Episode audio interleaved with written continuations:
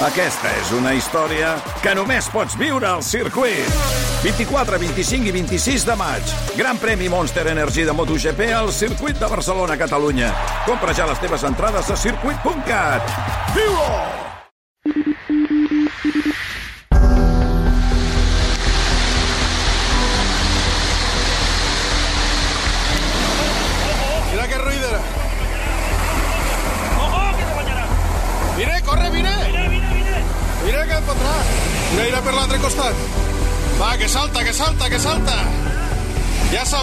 Ja. Salta, ja.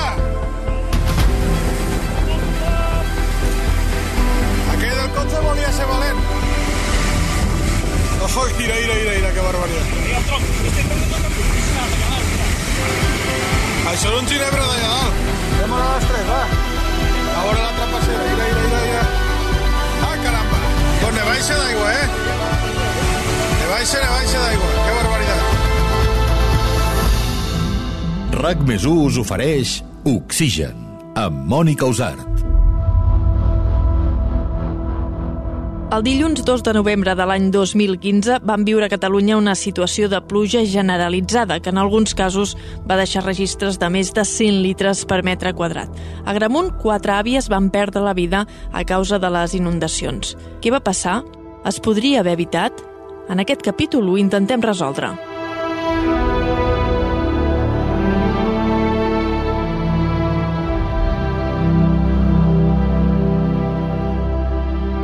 En aquest episodi, les inundacions de Gramunt de l'any 2015.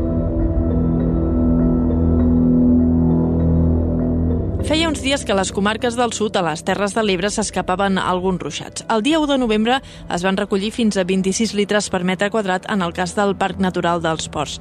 Però va ser el dia 2 quan va arribar el gruix de la pluja, sobretot a partir del migdia. Els bombers ja estaven al cas que la situació es podia complicar. Efectivament, estàvem sota la influència d'una llevantada. Joan Josep Ballostes, inspector del cos de bombers.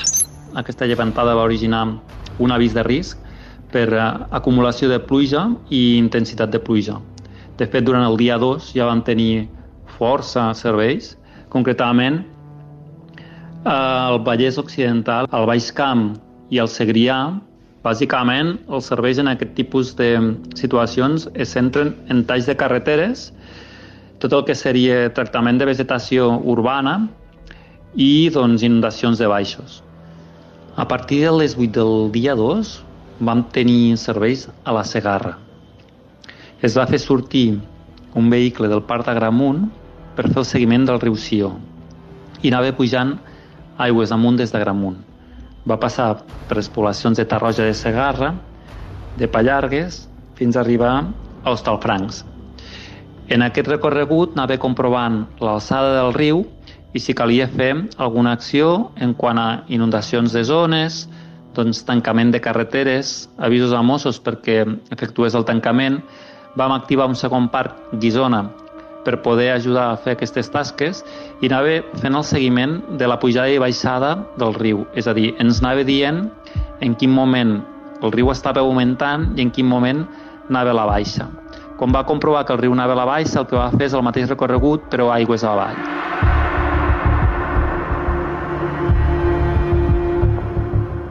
Anaven amunt i avall seguint el curs del riu per tenir un control a temps real. Ara la previsió de futur no era el més important, sinó el present. Això obria les portes a fer avisos sobre la marxa a la població. La matinada del 2 al 3, els bombers de Gramunt, en el recorregut de baixada del riu Sió, ja havien arribat a la població de Gramunt i a quarts de 4 avisaven a través de megafonia i les sirenes als, als carrers afectats per la robinada doncs que la població pugés a les parts altres de les edificacions. En aquell moment es feia una crida a la població perquè actuessin, perquè es posessin en un lloc segur.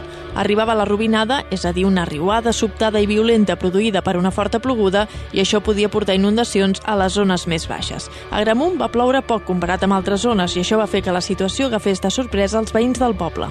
Aquí el més greu de tot és que jo recordo haver arribat a casa aquell dilluns a la nit i aquí a Gramunt no va ploure.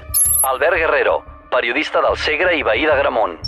El problema de la robinada és que aquí no va ploure. Clar, la gent aquí no, no, no va tindre la sensació de que hagués cap mena de perill. O sigui, és, és una cosa que, que va ser sobtada i de matinada. O sigui, que va ser com una, una, com una tempesta perfecta.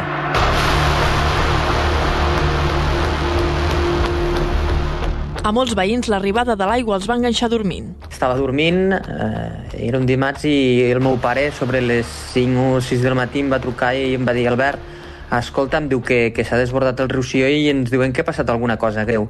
Clar, evidentment, eh, aquí el problema de Gramunt és que no havia plogut, però clar, el primer que fas doncs, és, és canviar-te i, i anar a veure què ha passat i sí, i quan baixes ja cap a, cap a la zona de, del riu Sió ja veus que allò que sembla un, un mar, no? O sigui que és ja tot un, un riu avall d'aigua, no? I que, que, que el cabal de, del riu s'ha multiplicat per 20, per 30, pel, pel que fos. Com podia ser que arribés aquella riuada si no havia plogut gaire a la població? Aquell dia Ramon Bartolí, geògraf. Vam tenir un episodi de precipitacions molt abundants. Per exemple, tenim la dada de 136 litres per metre quadrat a la Panadella, que està a uns 8 quilòmetres, a una distància, per tant, molt curta del naixement del riu Sió, mentre que a Tornabous, que és a prop de Gramunt, a uns 9 quilòmetres, en, en van caure 15. És a dir, que tenim que la capçalera cau aquesta quantitat de precipitació molt espectacular, mentre que en zones del curs mitjà del riu realment ha caigut molt poca aigua. I això... Um, fa que no tinguis la sensació que hagis de, de tenir una avinguda d'aquestes característiques. I què passa amb el riu Sió? Doncs el riu Sió és un riu mediterrani amb una conca de recepció molt petita i és el que passa amb aquest tipus de territori. Quan cau molta aigua, cau molt malament. I el, és com si és com si poguéssim dir que el territori ho gestiona fatal perquè creix el riu d'una manera sobtada. I passes en pocs minuts d'un fil d'aigua molt petit a una quantitat d'aigua extraordinària que fa que hi hagi aquestes inundacions sobtades, per tant no esperades i que més meteorològicament parlant són molt difícils de preveure.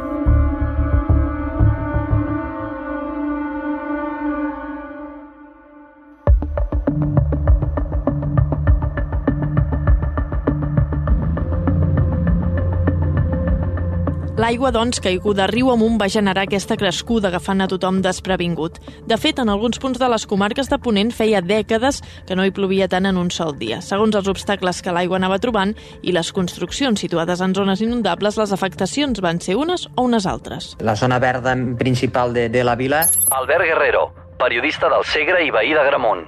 Eh, és el riu Sió i el seu entorn, i és un riu que, que travessa mm, d'un extrem a l'altre eh, el poble. I un- una de les seves construccions més importants és el pont romànic. En aquest cas és eh, també al mig de, del poble i, evidentment, eh, el que va fer en aquest cas era que tota la riuada el- l'ull del, del pont eh, es va, es va taponar, el que va fer va ser com una mena de, de comporta, no? de- de- d'embassament, no? i el que va fer és que l'aigua que anava baixant en direcció, diguéssim, des de, de la Segarra cap a la Noguera, al curs de, del riu Sió, aquí va haver-hi aquest tap i va ser quan va tornar tota l'aigua i això va provocar tota la inundació de no només mm, dels carrers més pròxims, sinó fins i tot del, dels equipaments que hi havia, que en aquest cas hi ha l'escola de música, una llar d'infants i fins i tot la residència. En aquella zona, tal i com diu l'Albert, trobàvem diversos equipaments, una escola de música, una llar d'infants i una residència d'avis. Les dues primeres estaven buides perquè era de nit, però l'última no. El dia 3 de novembre, a les 4.07, Joan Josep Ballostes, inspector del cos de bombers. es rep una carta del 112 en què, des de la residència Ribera del Sió, un alertant ens informa que hi ha nou avis al pis de baix i que no poden pujar. Els hi està entrant aigua. S'augmenta la sortida i els vehicles destinats al servei. A més a més de Gramunt, s'activa un torn de bombers de Tàrrega, els bombers d'Artesa de Segre i Balaguer. Quan arriba la primera dotació al servei, intenten fer una primera entrada a través de la pròpia residència, a través de l'interior de la residència. Es llencen a l'aigua, però comproven que el nivell de l'aigua realment és molt alt, la temperatura és molt baixa i que no hi ha visibilitat. És a dir, no poden fer una recerca a través d'aquest espai. Aigua molt tèrbola, freda i amb un nivell molt elevat. Les expectatives no eren gaire optimistes. Les esperances que teníem quan iniciem el salvament de trobar algú en vida eren baixes. Teníem una capa d'aigua de dos metres, aigua molt freda i, a més a més, amb molt baixa visibilitat. Per tant, doncs, no teníem masses esperances de trobar algú en aquell espai. La nit del dia 3 només hi havia un objectiu que era el salvament d'aquests avis que estaven en una situació precària i en un lloc inundat. Tots els objectius anaven dirigits a trobar el millor camí per poder extreure els avis en un temps més breu possible i en una millor situació. Als bombers els hi resultava difícil accedir a les habitacions, però van trobar la manera. Es busquen nous eh, recorreguts per accedir a la part baixa de l'edifici. Una és a través de les finestres que donen al carrer Ensenyament i l'altra és a través d'un pati interior que també té uns finestrals que donen accés a aquest espai. El primer que s'intenta és a través de les finestres del carrer Ensenyament. Retirant eh, les fulles i les persianes, es comprova que a l'interior doncs, eh, hi ha una persona, es veu la mà d'aquesta persona en un matalàs i després de retirar les reixes podem accedir a aquesta persona i la podem treure en vida.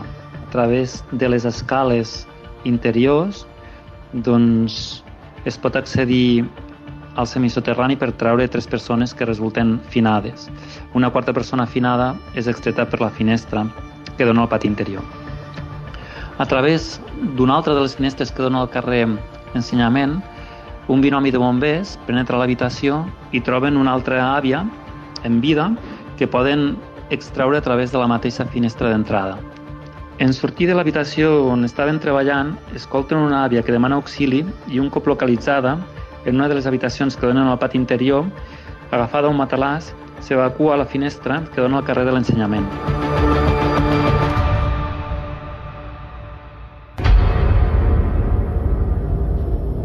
Al final, quatre dones van perdre la vida i cinc d'elles es van salvar perquè van flotar els matalassos. Un dels aspectes que em va sorprendre i vull destacar és l'instint de supervivència de les persones. Algunes d'aquestes àvies i avis estaven agafats a matalassos, els matalassos suraven sobre l'aigua i ells estaven inclús sobre els matalassos doncs, esperant l'ajuda i el rescat. Oxigen.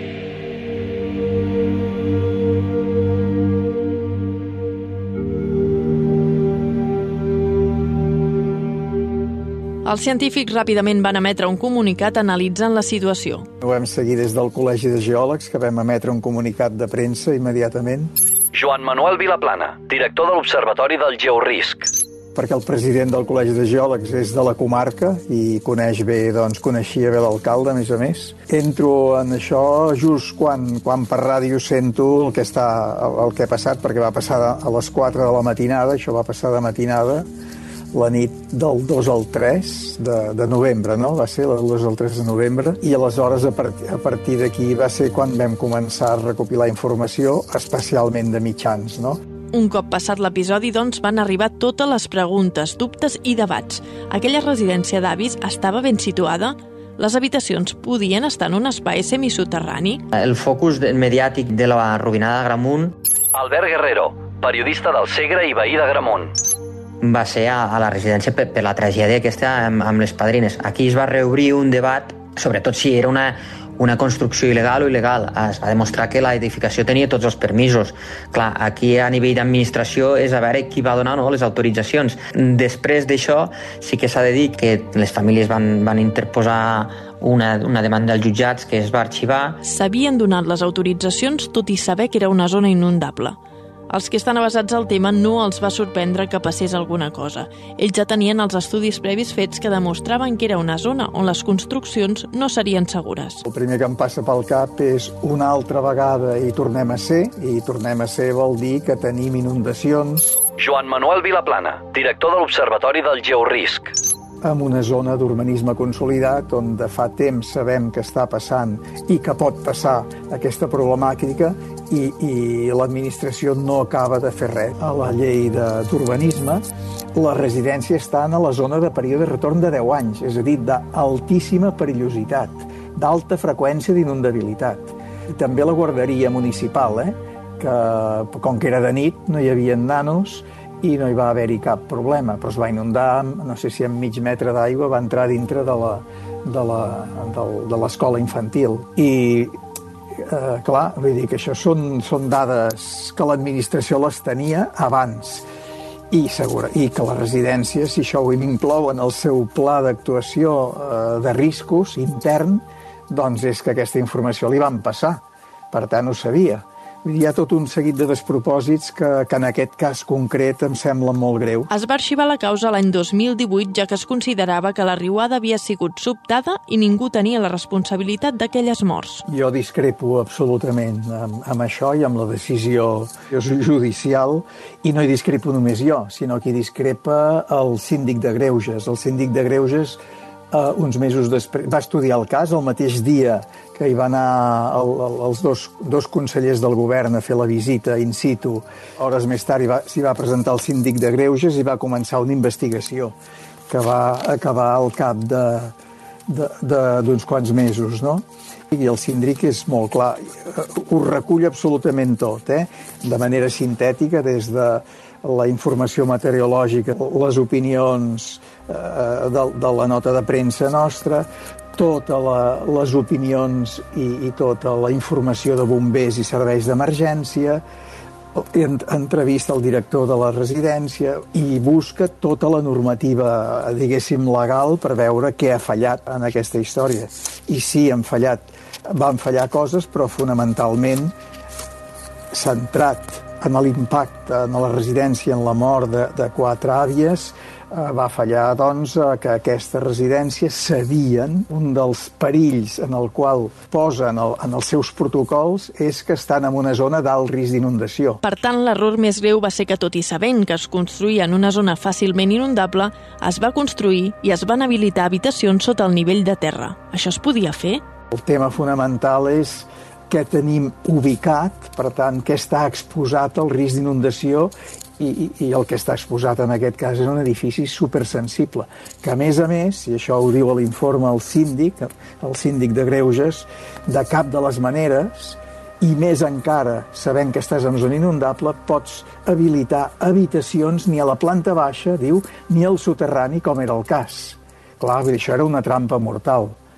Vull dir que aquí s'han combinat moltes coses i jo no entenc com, que és, com és que al final, a nivell judicial, eh, ha estat exonerat absolutament de responsabilitat tothom. No, no ho acabo d'entendre. Però, en fi, eh, algun criteri deuran... No, no, no he llegit la, la, la sentència aquesta de, de, del jutge eh, que hi va intervenir. No hi ha responsabilitats, però a partir de llavors va canviar alguna cosa? Però que eh, arran d'aquesta robinada...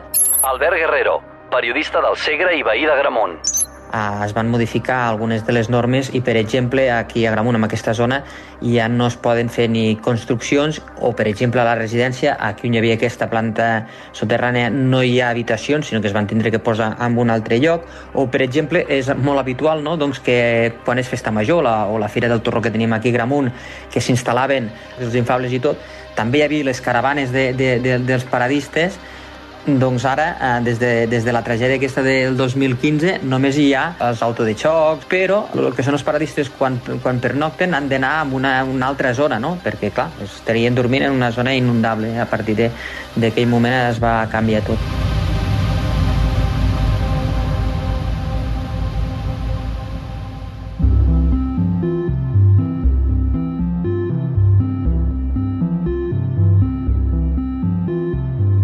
Segons els experts, aquella zona està catalogada com a zona inundable, amb un període de retorn de tan sols 10 anys. Però a Catalunya hi ha més zones així. 35.000 hectàrees estan afectades. Això ho vam, ho vam eh, treure de dades de l'ACA que va publicar l'any 2007, que són el 35.000 hectàrees va ser una, un càlcul que vam fer nosaltres des del grup de recerca de RISNAT, de la Universitat, el de Riscos Naturals. Aquest informe del 2008 que vam fer per govern eh, vam publicar que el 15% de l'urbanisme de les zones amb sòl urbanitzat ja a Catalunya està en zona inundable i que presenten aquesta problemàtica amb graus, si es mira amb detall, de, de, de diferent intensitat, de diferent severitat, però totes hi ha un escenari similar.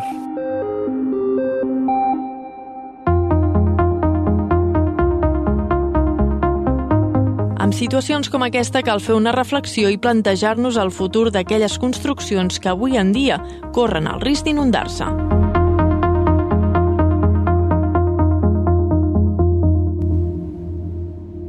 RAC més us ha ofert Oxigen, amb Mònica Usart.